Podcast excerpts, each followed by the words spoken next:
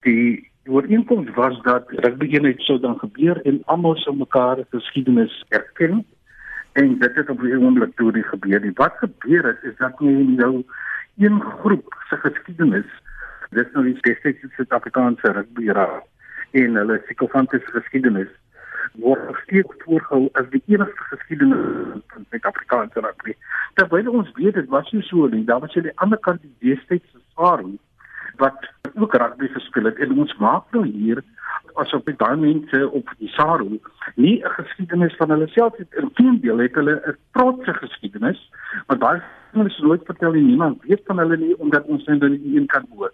Rugby een geword en geen een van daai geskiedenis opgeneem het sit nou in 'n situasie hier wat seë polisie en is daar groot dankbaarheid vir my dat hy aangewys is as kaptein nommer 61 maar Hoe kan ons sê gesien polisie se springbok op sy nommer 61 na een word? Met ander woorde, daar word 'n sekere geskiedenis van 'n bepaalde groep word erken, maar geskiedenis van 'n ander groep word erken nie.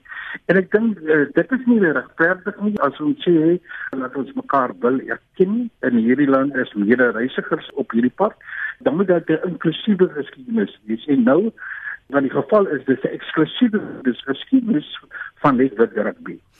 Wat stel jy voor wat moet die nuwe embleem wees? Die embleem is die Protea embleem. Die cricketspan het interessant genoeg weggedoen met die Springbok. Hulle het eenvoudig aan en hulle het besluit die Protea en die wêreld het nie in mekaar gestort nie. En Protea het begin om te Uh, hulle geskiedenis het hulle van 94 wil hulle dit begin herskryf en hulle het erkenning gegee aan aan mense wat nie in die geval van rugby is nie. Ek weet regtig nie hoe kom 'n mens nie nie kan wegstap van hierdie springbok embleem nie. So wie is verantwoordelik om hierdie inklusiwiteit te bewerkstellig?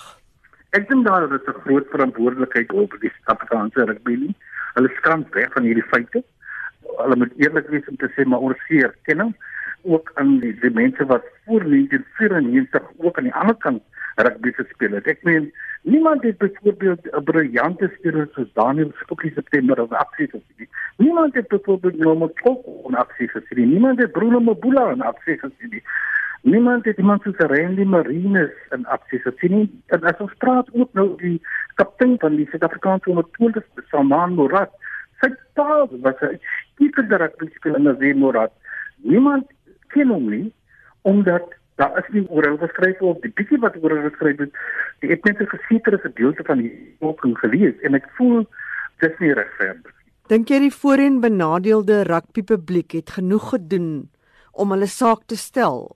Die voorheen benadeelde rugby publiek ek dink het meer as genoeg gedoen. Mense as hulle voorheen van benadeelde praat en dan verwys op die, die ander kant verwys nou maar ons het 'n error op daai is op lewer ons 'n error op op dit was nie deel net soos Nick Gallet en Nas Botha en David de Villiers en Fitte Priele hoe kon hulle die beste wees in Suid-Afrika? As hulle nie gemeet is aan die beste ons is deur 'n stelsel gekom wat mense verdruk het en wat aan die ander kant die stem nie gehoor het nie. Met een woording is, is daar gesê dat ons op bewus raak dat daar ook geskiedenis was aan die ander kant. En ek dink nie is daar genoeg gedoen nie of ignoreer ek weet nie of dit moetswillig is om hierdie geskiedenis net of net mense eenvoudig uit die geskiedenis weg te lees nie